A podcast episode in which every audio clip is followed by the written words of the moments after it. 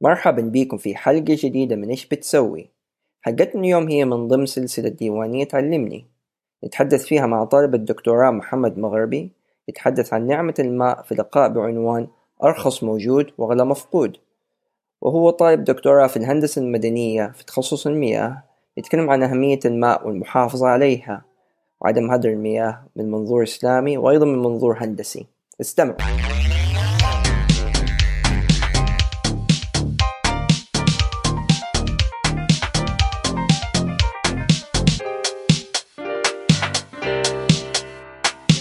طيب. بسم الله الرحمن الرحيم. الحمد لله رب العالمين والصلاة والسلام على أشرف المرسلين.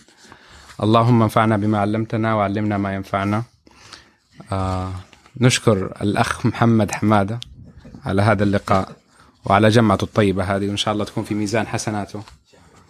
آه طبعا أبو حميد طلب مننا نتكلم في موضوع يعني يخص التخصص آه اللي أنا أشتغل فيه. تخصص شوية تكنيكالي بيور يعني في الهندسة المدنية.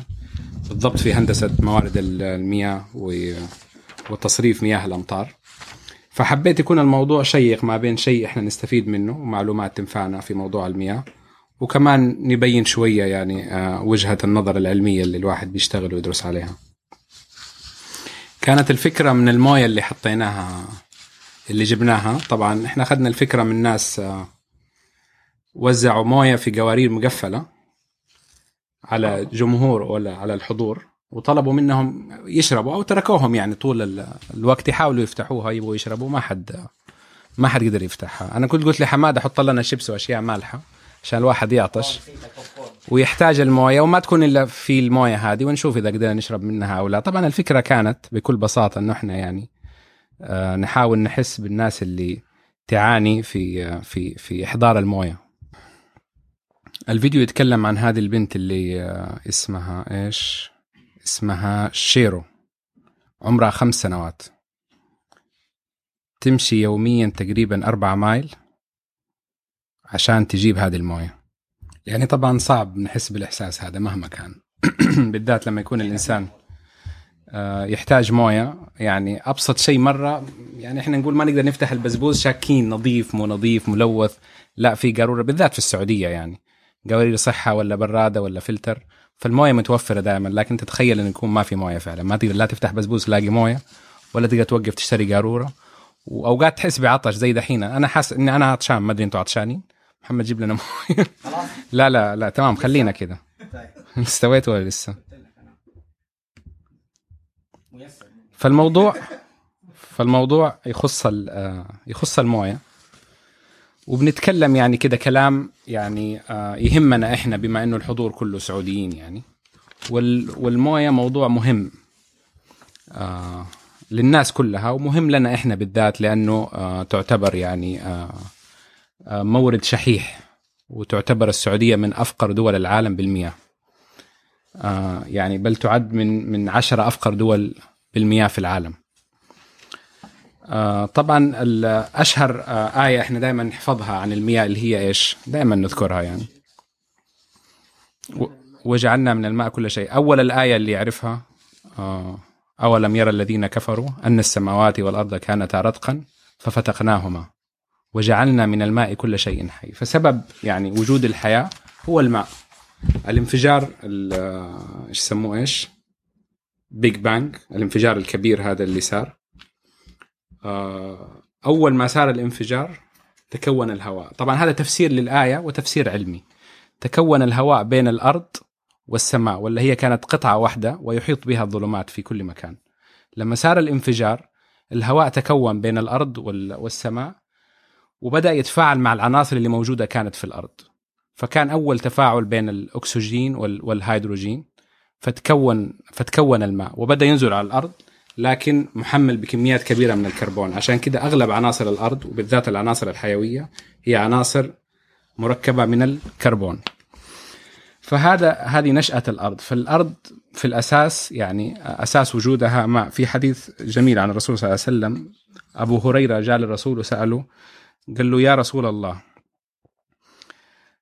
إذا رأيتك طابت نفسي وقرت عيني فأنبئني عن كل شيء فقال كل شيء خلق من ماء. فهذا حديث صحيح. طبعا الناسا في في موقعهم أدري أنا حطيتها هنا. آه ناسا حاطة هذا في الموقع وكاتبة كلام يعني. الكلام تماما مشابه آه مسمي الماء the molecule of life اللي هو H2O وكاتبة كلام عنه إنه هو أساس الحياة وهو أساس نشأة الخلق. وكلام مشابه كثير لتفسير الآية في في, في الانفجار الكبير اللي موجود في الآية. تكوين الإنسان بشكل عام يتكون أغلب جسم الإنسان من موية من هو طفل آه، يولد طبعا آه، النطفة تكون من ماء وبعدين الطفل يتدرج يكون في البداية 93% موية وينقص شوية شوية لين ما يوصل لمرحلة 70 أو 66% من جسم الإنسان تقريبا مياه. كل أعضاء جسم الإنسان الحيوية والمهمة موجود فيها مياه. نقدر نعيش طبعا إحنا من غير بترول نقدر نعيش من غير آي تي نقدر نعيش من غير كمبيوتر بس ما نقدر نعيش طبعا من غير إيش؟ ماء. فالماء هو العنصر الأهم في الحياة. مهما اختلفت الظروف ومهما تغيرت الأجواء والمشاكل ممكن نستغنى عن أي شيء إلا عن الماء. عشان كذا الماء هو سلعة استراتيجية. قديما وحديثا. هذه بعض المعلومات آه، العلمية. طبعا أنا كنت حابب كل كل حاجة نذكر فيها آية وهو الذي خلق من الماء بشرا فجعله نسبا وصهرا وكان ربك قديرا. فأساس البشر أصلا الماء. هذا تركيب الكيميائي للماء وهذا أكثر شيء إحنا نحفظه سواء كان تخصصنا علمي أو تخصصنا غير علمي اللي هو ال H2O ذرتين أكسجين آه، ذرتين هيدروجين وذرة أكسجين. طبعا ذرة الهيدروجين هي إيش؟ اللي يعرف هي أخف ذرة لأنه فيها إلكترون واحد وفيها بروتون واحد وذرة دائما متعادلة لكنها سريعة التأين وحجمها جدا صغير. لذلك هذه الذرة لما تتحد مع الأكسجين يكون دخولها بين جميع العناصر سهل. فمثلا آه، إذا خلطته بملح إذا خلطته بسكر كخلط فيزيائي إذا خلطته بمركبات كيميائية كمان الماء يتداخل بينها. آه، لذلك الماء هو مذيب قوي يعتبر أفضل مذيب ما بين جميع المركبات الكيميائية. عشان كده سبحان الله الماء طهور. آه الطهارة جاية أنه الماء يتخل يتخلل أي حاجة يوصل لها ويزيلها وتطلع وتحمل هذه الأشياء معها. فالماء هو أفضل مذيب آه كيميائي موجود. هذه الأشياء برضو المفروض إحنا نعرفها من أيام الدراسة بس برضو نرجع لها. تقريبا 70% من تركيب آه كوكب الأرض إيش؟ موية والباقي يابسة. في المية هذه منها ثلاثة في المية بس مياه عذبة. والباقي هي مياه البحار. ثلاثة في المية من السبعين. الثلاثة في المية هذه منها تقريبا اثنين ونص في المية هي مياه متجمدة موجودة في القطب الشمالي والجنوبي في الجنوبي طبعا أكثر الشمالي أقل. الاثنين ونص في المية هذه ما يستفاد منها تماما سبحان الله. هذه لها علاقة في توازن المياه في المحيطات وفي البحار في العالم. الواحد في المية اللي باقية من إجمالي كمية المياه هي الكمية الوحيدة المستخدمة في الشرب أو هي المياه الصالحة للشرب من يوم ما خلق الله عز وجل البشرية. هذه الواحد في المية موجودة على شكل إيش؟ مياه سطحية ومياه جوفية.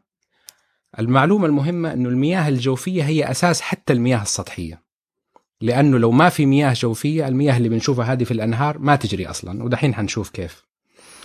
نبغى نشوف بس مناظر لل... لل... للجبال الجليدية هذه اللي إحنا نسمع عنها الآيسبرغ. آه هذه اللي آه مسوية توازن سبحان الله في آه مستوى البحار والمحيطات في العالم.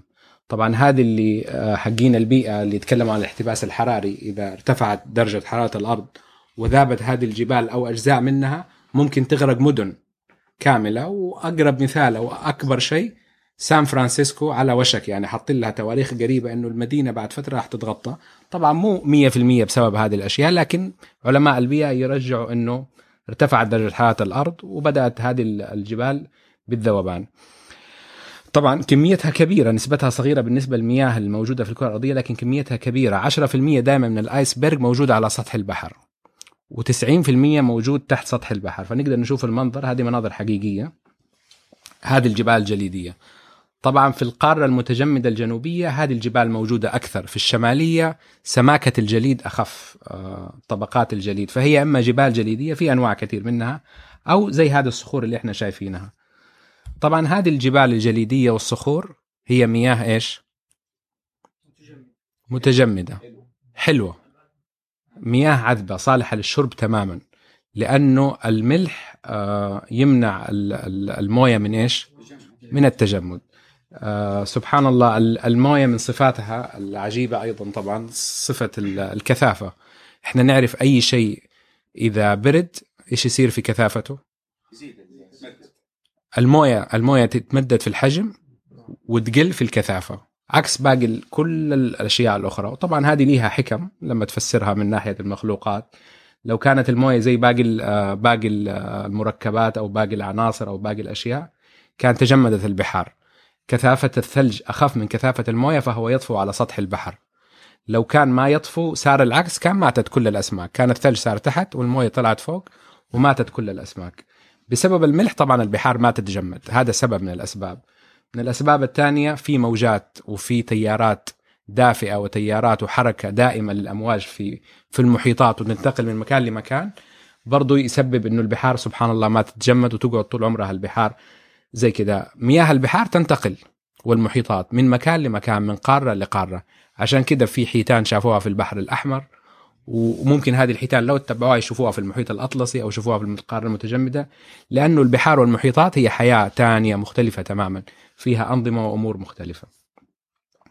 طبعا أكثر بحر ملوحة في العالم من البحار المفتوحة هو البحر الإيش؟ هو البحر الأحمر المفتوحة. أيوه البحر اللي عندنا هو أكثر البحار ملوحة، طبعا واحدة من الأسباب إنه نسبة البخر عالية إحنا عندنا بسبب الحرارة.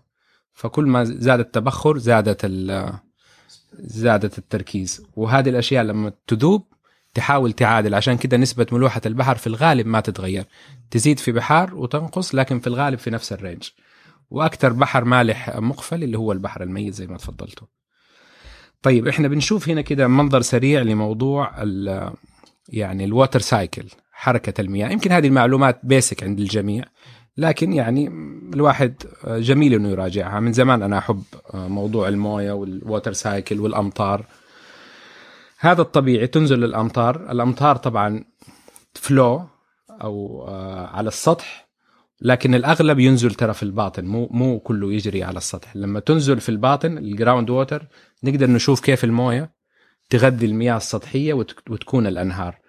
هذا هذا ال discharge من هنا من تحت لفوق من المياه الجوفية إلى الأنهار فبنلاقي الأنهار تجري. إذا صار سحب أكثر من التغذية طبعا حنشوف مستوى الأنهار ينزل وما في أمطار. نشوف مستوى الأنهار تنزل. طبعا مع الأنهار الكبيرة اللي زي البوتوميك والأنهار اللي هنا ما نحس بهذه الأمور لأنها أنهار ضخمة يعني وبتغذيها المياه من كل مكان. هذا مثال آخر يشرح لنا شوية عن موضوع المياه الجوفية كيف تكون. آه بالمناسبة يعني من آه يعني أنا أدرس هندسة مياه موارد مياه أكثر وصرف صحي معالجة مياه صرف صحي. آه ودرست طبعا ground water ground water من اللي درس civil من أصعب التخصصات حقيقة يعني لأنه أول شيء التعامل مع المياه هو تعامل ما هو سهل. ال behavior حق المياه behavior صعب لأنه تحت ظروف معينة وتحت أمور معينة. زي الضغط زي الحرارة آه، عنده خواص ال- ال- اللزوجة التماسك والتلاصق. هذه الأشياء اللي كنا ناخذها من أول تخلي دراسة ال behavior حق الماء نوعا ما صعب. صعوبة تكون أكثر إنه يكون ground water فهم يتعاملوا مع هندسة المياه الجوفية أو ال- الهيدروجيولوجي وهم فوق كلها أغلبها بالسيميوليشن أو بالموجات أو بأمور أخرى أو بمعادلات وكلها طبعا المعادلات يعني مبنية على التجارب آه، بشكل عام في المياه. فدراسة آه، هندسة المياه الجوفية دراسة حقيقة معقدة. نكمل موضوع ال- موضوع المياه الجوفية. المطر لما تنزل طبعا بسبب حاجتين في الصخور المسامية والنفاذية. المسامية اللي هي الفتحات الصغيرة اللي موجودة في الصخور بالذات الصخور النارية أو البركانية. آه، النفاذية هي اتصال الفتحات الصغيرة هذه بينها وبين بعض. لو مو الخاصيتين هذه موجودة في مكان من المياه الجوفية عمرنا ما راح نحصل على الموية. إذا كان في مسامية لحالها فتحات موجودة في الصخور الفتحات هذه سبحان الله بالملي يعني لكن على المستوى الكبير هذه اللي تكون المياه الجوفية اللي آخذت 2.5% من الواحد في المية من المياه اللي صالحه للشرب اللي موجودة في ال- اللي موجودة في الكرة الأرضية بشكل عام. لو كانت المساميه لحالها موجودة حيكون في موية بس لا يمكن توصل لك فوق إذا ما في نفاذية، النفاذية هي اتصال هذه المسامات ببعض، طبعا تحت ظروف وضغط معين وأمور تكونت من ملايين السنين لها علاقة بالتركيب الجيولوجي للمنطقة وللصخور. فهذه الخاصيتين مهمة لانتقال المياه من من باطن الأرض لينا إحنا.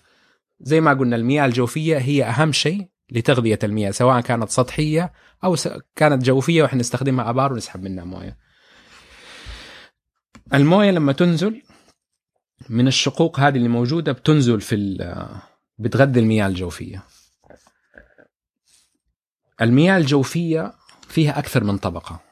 الطبقة الأولى دائما هذه سبحان الله اللي موجودة هي طبقة دائما غير مشبعة يسموها unsaturated soil أو لاير. هذه الطبقة يمر منها كأنها فلتر تمر منها الموية إلى الطبقات أو الجيوب اللي هي الحاملة للموية. الطبقات الحاملة للموية فيها ميزة إنها من تحت يعني تعتبر صماء وهي طبقات لا تنفذ المياه يعني مثلا هذه الطبقة تحت ما ينزل الموية إلا في أماكن معينة نروح لطبقة ثانية فكل واحدة تجمع الموية كأنها خزان كبير تحت الأرض هذا منظر ثاني يعني يوريك حجم التخزين. طبعا التخزين عمره ما يكون كذا دائما التخزين يكون في جيوب مختلفة. عشان كذا واحد مرة يسحب من مكان جاره يسحب من مكان ثاني هذا عنده موية هذا ما عنده موية. فالتخزين معقد ما هو سهل اللي في باطن الأرض. آه الله عز وجل يقول وأرسلنا الرياح لواقحة فأنزلنا من السماء ماء فأسقيناكموه وما أنتم له بخازنين. فكرة الخزن هذه للموية سبحان الله بحد ذاتها معجزة. لأنه ترتيب الخزن بهذه الطريقة لا يمكن الإنسان يسويه مهما كان. ارتفيشال لا يمكن يصير. فهذا طبيعي. من ملايين السنين والموية هذه تتخزن ومكتوب سبحان الله هذه اللي قبل كم مليون سنة حيستخدمها فلان ولا يستخدمها فلان ولا يستخدمها فلان. لأنه إلى الآن هذه المياه اللي بتسقى فيها المزروعات في السعودية بالذات السعودية فيها مياه جوفية غير متجددة هذه تكونت من ملايين السنين. والآن الترند اللي اللي الناس بتطلب إنه تدرس وتشتغل عليه إنه يقيسوا تاريخ المياه. ليش يقيسوا تاريخ المياه؟ لأنه هذا يفيدهم عشان يحددوا حجم الموية وحجم الموية فين متصل لأنه المياه الجوفية ممكن مثلا يكون تحتنا في مياه جوفية على بعد مثلا 100 متر تكون نهايتها مثلا في ميرلاند ولا نهايتها في م... وفي أشياء زي السعودية مثلا في الشمال عندنا نهايتها في الأردن وبعد الأردن. فالمياه الجوفية ما لها حدود. متعدد الح... متعدية الحدود. فهذه كمان مسببة مشاكل سياسية بين الدول لأنه أوقات تسحب دولة ممكن تأثر على دولة ثانية أو تسحب فهذه مواضيع معقدة ومتداخلة في بعض. فهذه سبحان الله برضو موجودة في الآية وما أنتم له بخازنين لأنه خزن المياه جدا صعب. هذه توضح الطبقات اللي قلنا عليها. آه، المنطقة اللي في النص هذه اللي unsaturated سويل اللي أول طبقة تجي بعد السطح. هذه المنطقة اللي سبحان الله تشتغل زي الفلتر. يمر عبرها المويه لو كانت هذه الطبقة saturated لا يمكن الموية تمشي فيها. فمعناته الموية ما راح تنزل تحت. عشان كده لما بنوا سدود في السعودية ضخمة وكبيرة هذه السدود سببت مشاكل. لأنه جات وحجزت الموية الموية فيها طمي. الطمي قفل تماما سوى لياسة قفل على المكان. فصار ما يصير ال filtration ولا ال infiltration هذا اللي شايفينه. فصارت الموية فوق وعندنا ما شاء الله بخر عالي يعني عندنا نسبة البخر جدا عالية. فأنت بتجمع الموية عشان تبخرها. فراحت عليك الموية. لكن الطبيعة سبحان الله إنه الموية تمشي وتنزل في في في المنطقة هذه اللي زي الفلتر عشان توصل لمناطق الخزن. طبعا كلمة water table هي بداية مناطق الخزن وهي المناطق اللي دائما يسحبوا منها الناس وفيها الآبار الارتوازية وفيها شيء. آه، في آية كمان قل أرأيتم من أصبح ماءكم غورا فمن يأتيكم بماء معين؟ هذه في سورة الملك. كلمة غورا تعرفوا معناها؟ أحسنت. اللي هو الشيء اللي إيش؟ عميق جدا. لو ما في هذه الطبقات اللي يسموها كونفايند اكوفر اللي هي الطبقات الصماء اللي توقف الموية كان الموية راحت استمرت في النزول ولا يمكن إنك توصل لها يعني حتكون بلا نهاية يعني. فهذه سبحان الله برضو موجودة في الآية. فمن يأتيكم بماء معين مين يجيب مين يجيب لكم موية تقدروا تستخدموها إذا ما كان في الطبقات حقت الخزن هذه اللي في الأرض. حنرجع للموضوع اللي نتكلم عنه اللي هو موضوع ال scarcity of water ولا ال water stress اللي هي المشكلة اللي إحنا نفكر فيها واللي العالم كله يتكلم عنها. طبعا الكل عارف هذا الشيء معروف صار للجميع ولا شيء يتخبى إنه المنطقة اللي إحنا فيها وملونة باللون الأحمر هي أكثر منطقة تعاني في العالم من شح المياه. لدرجة يعني آه، ممكن إذا كنا إحنا دولة غير غنية وما عندنا موارد نفطية ونحلل مويه المخزون اللي عندنا ممكن يخلص في أقل من سنة على عدد السكان اللي موجود. فلكن سبحان الله يعني آه، طبعا أنا كنت أبغى أشرح حاجة آه، خلينا في الموضوع هذا وحنرجع نشرح ففي مشكلة ال water stress هذه موجودة الآن آه، آه، ومطروحة يعني كثيرا آه، عند سواء يعني علماء المياه أو علماء البيئة وحتى يعني المختصين في السياسة والمشاكل السياسية إنه الحرب القادمة هي حرب مياه ومشاكل. يعني في وجهة نظر في الموضوع الله عز وجل يعني خلق كل شيء بقدر. والكرة الأرضية يعني قالوا عمر البشرية ستة ألاف سنة وفي ناس قالوا أكثر أو أقل. أنا أظن الله عز وجل خلق هذه الأمور وخلق لهم كفاية يعني من الموية ومن لكن هي القضية في سوء استخدام أوقات لنا مثلا في هذه النعمة وفي هذه الثروة اللي موجودة عندنا. يعني أنا عندي وجهة نظر إنه الموية إن شاء الله لا يمكن تخلص مهما كان يعني. لأنه سبحان الله لو من زمان الإنسان يفكر بهذه الطريقة من أول ما كان في تقنيات لا تحلية ولا استخراج حديث ولا شيء كانوا يعتمدوا على المطر. إذا جاء المطر جات الموية ما في مطر انتهت الموية. بتجي سنين جفاف ويعانوا لكن ترجع الأمور وترجع الموية ويعيش الناس. فأنا أتوقع إنه النعمة هذه حتكون دائمة وموجودة لكن إحنا نحتاج نديرها إدارة جيدة وهذا الشيء موجود حتى في الدين موجود حتى في القوانين وفي الأنظمة وفي التشريعات وفي كل مكان. حنرجع نتكلم عن كم استهلاك الفرد في السعودية وكم استهلاك الفرد هنا طبعا ونتكلم عن هذا الموضوع. أنا حبيت بس أشرح حاجة عشان نكون في الصورة ونفهم الكلام اللي حنجي آه، فيه بعدين. هذه اسمها ووتر شيد أو بالعربي آه، آه، مصائد المياه أو كمان يسموها الأحواض المائية. كلمة مصائد المياه أو الأحواض المائية ال- إذا أي نقطة مطر نزلت في أي مكان مثلا في اللون الأحمر هذا راح توقف في أخفض منطقة في المكان هذا. هذا إذا ما نزلت إلى باطن الأرض أو تبخرت بفعل الحرارة أو الشمس. إذا أي موية تنزل في هذا المكان راح تتجمع وتجي هنا. الووتر شد الكبير تقدر تقسمه إلى صغار فتقدر تشوف حركة الموية من فين تبدأ وفين تنتهي. إذا أنتم متخيلين معايا كله متخيل واضح واضحة الرسمة أو بالذات هذه الملونة مثلا لو جينا عند اللون الأخضر اللي فوق تبدأ إذا جات المطر فوق ممكن تتجمع وتجي عند النقطة اللي تحت وزي كده الين توصل إلى يسموه ال downstream اللي هو نهاية منطقة الموية. الكرة الأرضية كلها زي كده. الله عز وجل لما خلقها جبال وخلقها أنهار وسهول وأودية يعني من حكمته عز وجل في الخلق إنه آه لتوازن آه وجود المياه. سبب من الأسباب هي توازن وجود المياه لأنه الأرض لو كانت جميعها مسطحة هذه معلومة الكمية الموجو... الموية الموجودة ممكن تغمر الأرض بثلاثة كيلو متر لو كانت الأرض كلها مستوى واحد. لكن عشان كده الأرض ما هي مستوى واحد فيها مرتفعات ومنخفضات عشان يصير في توازن في الموية. ففهمنا موضوع الوتر شيد لأنه حنشرحه بعدين لما نيجي المشاكل اللي صارت سواء في جدة ولا في غير جدة الفيضانات والسيول والمشاكل هذه. هذا يعني أوضح في الوتر شيد. إذا جات الموية فوق في الأخير راح توقف الموية تحت. يعني هذا بكل بساطة. إذا ما نزلت إلى الأرض أو تبخرت فوق. أيوه هذه الموية السطحية اللي تجري. ودحين حنتكلم عن الموية كيف اللي تجري. هنا حناخذ نظرة كده وذكريات أليمة للي صار يعني قبل فترة سواء في جدة أو حتى في الرياض بعدها هذه آه هذه كانت عام 2009 السيول أظن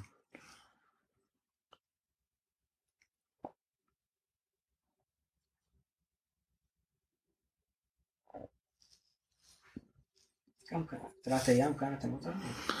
المطر كانت ثلاث كم ساعة أيوه ما هي ما هي كثير هذا اللي اسمه إيش؟ اللي في الخط السريع؟ عندك الحرمين شات الحرمين أيوه إيش اسم المنطقة كانت؟ طبعا يعني هذه ذكريات آه، كانت مزعجة وأليمة آه، للأسف. طبعا آه، تشبيها يعني عشان الإنسان يتخيل الغير متخصص واحد إنش من ال- من المطر إذا نزل في مدينة زي شيكاغو وما في infiltration في باطن الأرض أو ما في تصريف ممكن يعطيك 4 billion gallons من الموية. شيكاغو مساحتها تقريبا آه، أنا شفتها آه، تقدر تقول تلت جدة. يعني جدة قد شيكاغو ثلاثة مرات. يعني لو نزل واحد إنش على جدة وما في أي شيء يعني آه، حتصير الموية هذه تقريبا ثلاثة أو أربع أضعاف. يعني ما في أي تصريف أو أي infiltration أو أي حاجة. عشان كده موضوع الموية سبحان الله على قد إنه هو نعمة وهو عصب الحياة. والمويه في نفس الش... في نفس الوقت شفنا قديش إنها شحيحة عندنا مثلا في المناطق الصحراوية ومحتاجينها.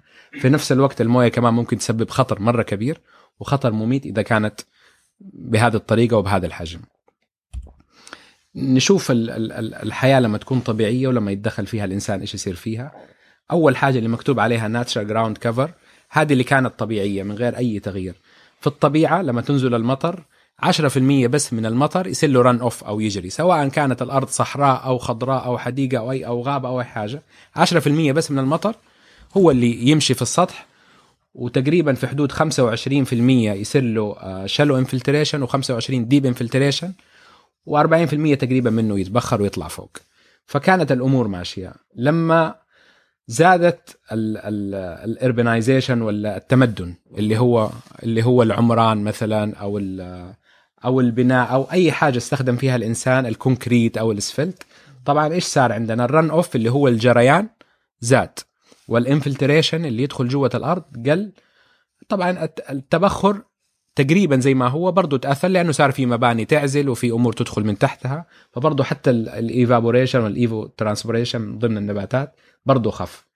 طبعا لما يزيد ال urbanization تصير مناطق حضريه 100% أو almost حضريه 75% حتشوف إنه صار ال runoff حوالي كم؟ 55% عشان كده يجي واحد يقول لك طب جدة من زمان الدنيا تجيها مطر ليش ما جاتنا زي 2009 وكذا لا نقول لهم هذا السبب إنه صار في أبنية صار في سفلت صار في أمور تمنع الموية إنها تنزل. وفي حاجة تانية مرة مهمة. الله يذكره بالخير دكتور عمر أبو رزيزة يعني. في معادلة مرة مهمة في حساب ال runoff يعني هي بسيطة بس ليها يعني طبعا تفصيلات وكذا اسمها CIA يعني الواحد ما ينساها CIA ما تنساها. ال I ال intensity حقت المطر شدتها. ال A ال area. ال C هي اللي تلعب دور. الاثنين دول ما يتغيروا. شدة المطر تجيك السنة تجيك بعد عشر سنين. طبعا في تصاميم. كل ما كبرت يعني فترة التصميم أنت تحسب مثلا على مية سنة. في المية سنة كم عاصفة قوية جاتك؟ تقول عاصفة واحدة فأنت تصمم عليها.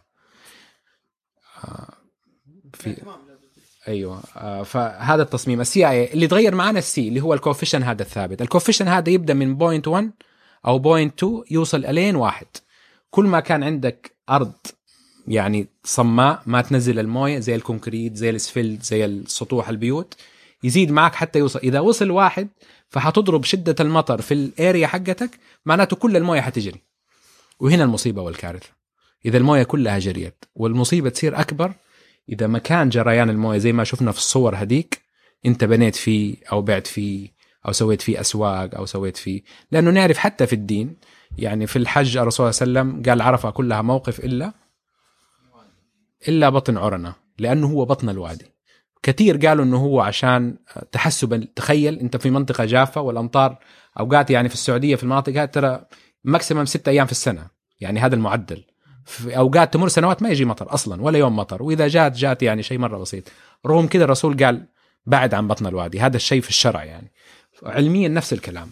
المفروض لا يباع ولا يشترى ولا يصير أي نشاط إنساني داخل مجال الأودية. إحنا بنشوف طبعا في الدول المتقدمة إنه لما يجوا في مكان في ما يسموه مجرى موية مكان فيه يعني فرع صغير بيسوي لك اياه بريدج أو شيء وتمر أشياء من تحته ولا من فوق. المهم الموية ما حد يقرب إيش؟ في طريقه الموية لازم تمشي في طريقه لأنك لو جيتها هنا حتجيك من هنا لو جيتها من هنا حتجيك من هنا. في الأخير ما حتقدر توقف قدام الموية. فهذه النقطة مهمة. طبعا ال- اللي يصير إنه عشان نتفادى مشاكل اللي صارت آه، إيش سوينا؟ نظام إيش؟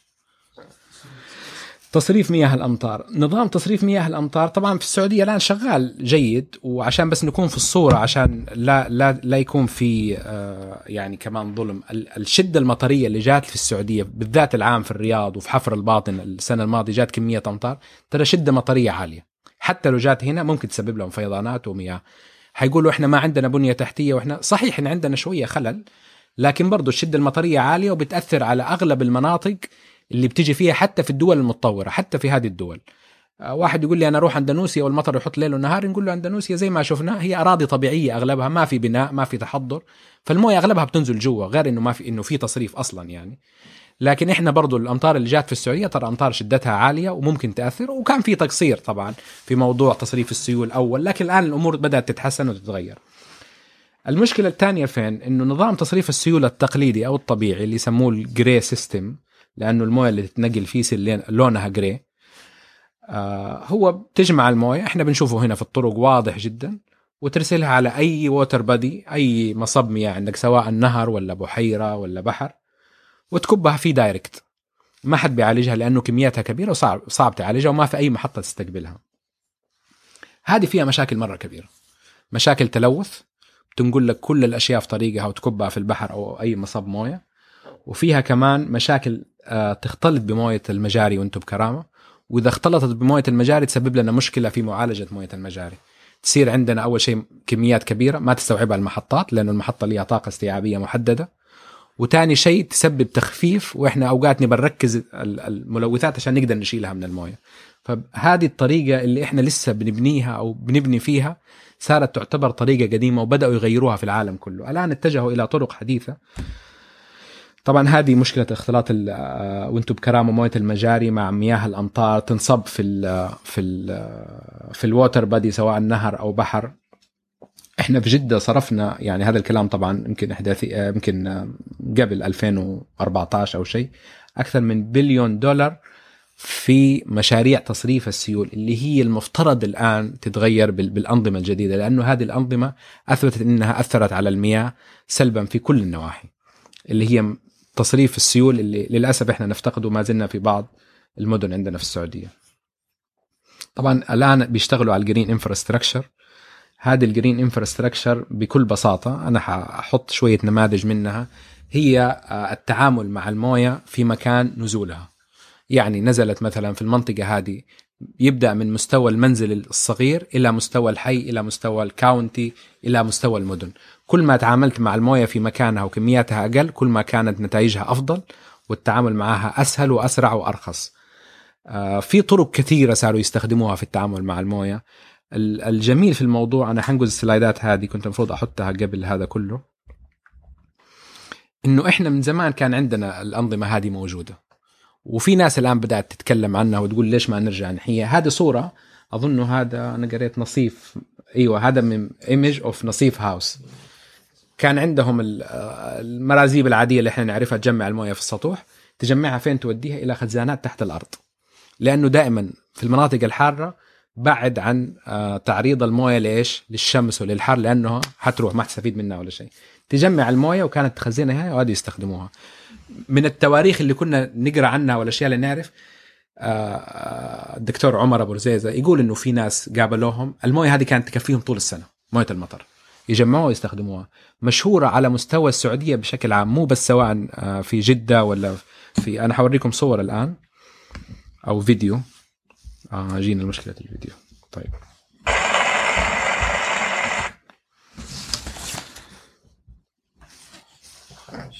آه يبغى لي أخرج من هذا صح؟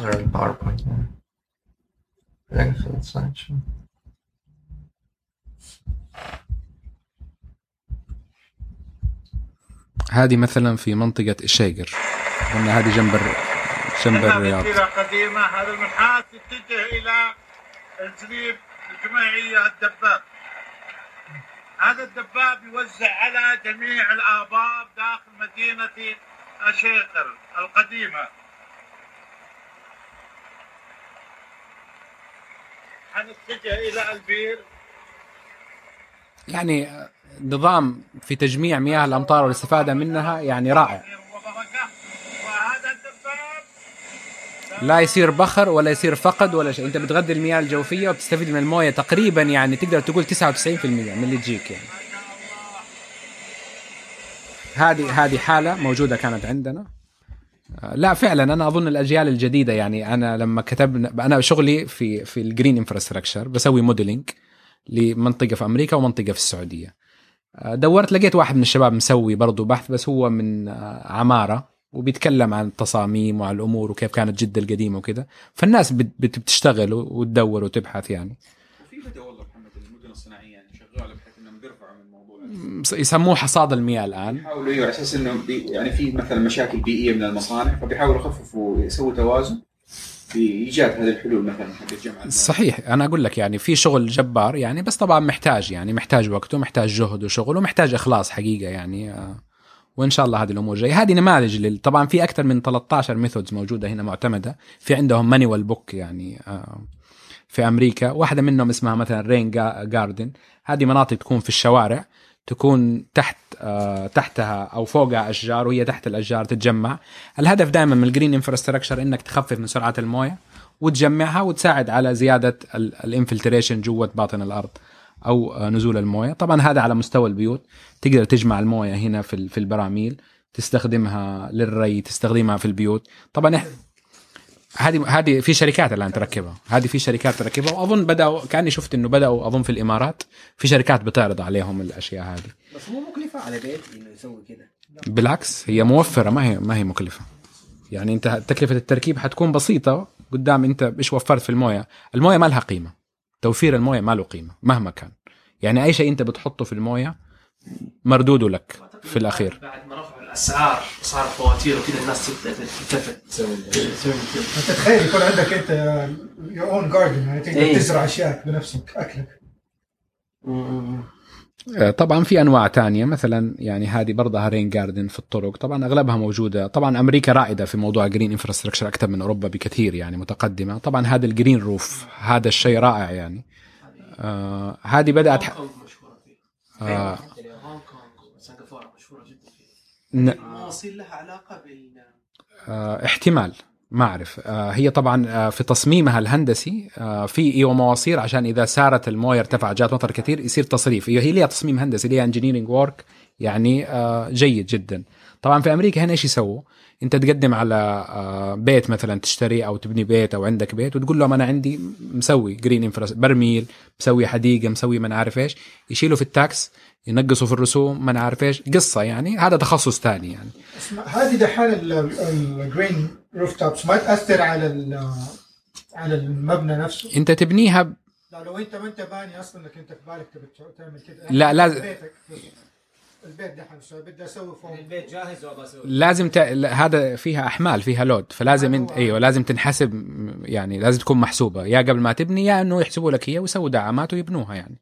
بس هي في الغالب إنه مع البناء أنت تكون عامل حسابك المفترض يعني. مع إنه أشكال الأبنية ما هي جديدة. طبعا أرلينغتون كريستال سيتي فيها مباني لو رحتوا شفتوا موجودة يعني. ال- الجميل في الموضوع طبعا هذه واحدة من الطرق آه، اللي يسموها permeable pavement اللي هي هندسة المواصلات. سكك كاملة كلها تسوي infiltration للمياه الجوفية. آه، طبعا هذه فيها مشكلة إنه نفس مواصفات السكة ما تتحمل ال- ال heavy duty اللي بيشتغل عليه عادة. يعني طبعا الأمور تبدأ كده بس تتطور مستقبلا. هذا ال parking lot. ب- أيوه برضه بتصير فيها هذه المواضيع. آه هذا نفس الشيء على مستوى ال- المياه. في فيديو آخر بس يمكن أنا ما نزلته. آه الآن بدأوا يسموه food production من ال green roof في فرنسا في مشروع كامل بيبيعوا خضار وفواكه وكلها مزروعة في السطوح. ال- الميزة طبعا الآن يعني العلم تكاملي وصار كله متداخل في بعضه. حقين الزراعه طوروا تسمعوا عن نظ- نظم الري هذه اللي بالمياه وبالتقطير إنها تكون في حلقة مقفلة الموية تقريبا ما تخسرها يعني اللي يستخدمها بس النبات وترجع مرة تانية. فهذه موفرة جدا وصاروا يستخدموها في الجرين روف فصارت مجدية جدا فصارت زراعة أول شيء آه، تقلل من مشاكل الأمطار وتجمع الموية وما تضيع الموية تماما وهذه فيها إنتاج زراعي مرة كبير. آه هذا الكلام العام اللي إحنا حبيت أوصله ليكم يعني آه عن الموية إيش صاير في الموية أهمية الموية المشاكل اللي ممكن تجي من الموية. آه أغلب الحوادث والمشاكل أو الكوارث الطبيعية 70% منها بسبب فيضانات ومياه. وأغلب مشاكل بتصير طبعا أمراض وكذا بسبب الجفاف وقلة المياه. آه، طبعا في موضوع أخير يعني أنا حوريكم هو ممكن نسوي له لقاء آخر. طبعا عشان الماء آه، وجعلنا من الماء كل شيء حي قالوا إنه الم- الموية فيها حياة. يمكن سمعتوا عن الموضوع هذا. ليها ذاكرة وليها أحاسيس وليها وقالوا الدليل إنه الدي إن اي والصفات الوراثية أصلا تنقل عن طريق المياه. فهو ناقل لهذه الأمور وحافظ لهذه الأمور. في العالم الياباني هذا أو إحنا نسميه باحث ما هو عالم اللي آه، أخذ الموية صور الكريستالات وشافها وجاب موية مقري عليها. طبعا هو صادف إنه واحد سعودي قابله وجاب له موية زمزم وموية مقري عليها وصورها. إحنا طبعا في ناس إحنا نقول إيوه وفي ناس لا في علماء أمريكان تحدوه قالوا أنت طريقتك ما هو بحث علمي. هو ما هو عالم للأسف هو باحث عنده أظن شهادة في في العلاقات الدولية ودارس طب بديل شوية ومن. لكنه قدم أمور يعني عنده مجلدات. أنا أنا شفت برنامج وعندي كتاب له قريت واحد عنده خمسة أجزاء. يعني في أمور انترست إنه الواحد يشوفها ويتكلم عنها أو يبحث فيها حتى. هذه الصور اللي هو صورها لكريستال آه، لل water crystal. طبعا أي شيء عشان تصور الكريستال تبعه لازم تجمده لازم يكون في الحالة الصلبة. فهم يجمدوا الموية ويصوروا الكريستالات تبعها. طبعا هو سوى كريستالات كان يكتب على القارورة أو يقرأ عليها أو يجيب واحد مثلا مسلم هذا قرأ على الزمزم وكذا فكانت تعطيه أشكال كريستالات يعني غريبة. من الأشياء طبعا المستغربة إنه الموية اللي كان يجيبها مثلا آه، كانوا يقولوا عليها شيطان بالياباني كان شكل الكريستال يعني شكله مرة غريب. والموية قال عنها ملك أو قال عنها شيء أدته أشكال حلوة. في مياه راكدة أدته أشكال غريبة. في مياه يعني متحركة ادته أشكال. يعني الموضوع جدير حقيقة بالدراسة وحلو الإنسان يشوفه. هو يقولوها لا ما استبطها هو يقولها على الموية أو يكتبها على الموية ويخزنها فترة طويلة عليه. فلقى إنه الكريستالات آه، تختلف من مكان لمكان. وفعلا يعني الشيء أظن هذا حتى علميا إنه ما في crystal لل water يشبه الكريستال الثاني. جميعه مختلف. جميع الكريستالات مختلفة. آه تركيبة آه نختم بهذا الموضوع اللي له علاقة في الشيء هذا تركيبة موية زمزم. طبعا في كمية أملاح أعلى من غيره يعني. آه كالسيوم ومغنيسيوم بالذات. آه الكالسيوم والمغنيسيوم بيفقدوهم أهل البلد ولا الحجاج؟ بيفقدوها الحجاج وأهل البلد كثير في الحج عشان الجو حار وكذا. فسبحان الله دائما مويه زمزم منعشة بالذات اللي يشربها في المنطقة أكثر من اللي يشربها برا. بتلبي حاجة الإنسان آه للشيء اللي هو محتاجه. ونشوف يعني مصداق لكلام الرسول صلى الله عليه وسلم لما قال ماء زمزم لما شرب له. آه هذا اللي عندي وإن شاء الله ما كنت طولنا عليكم وطفشناكم بالكلام.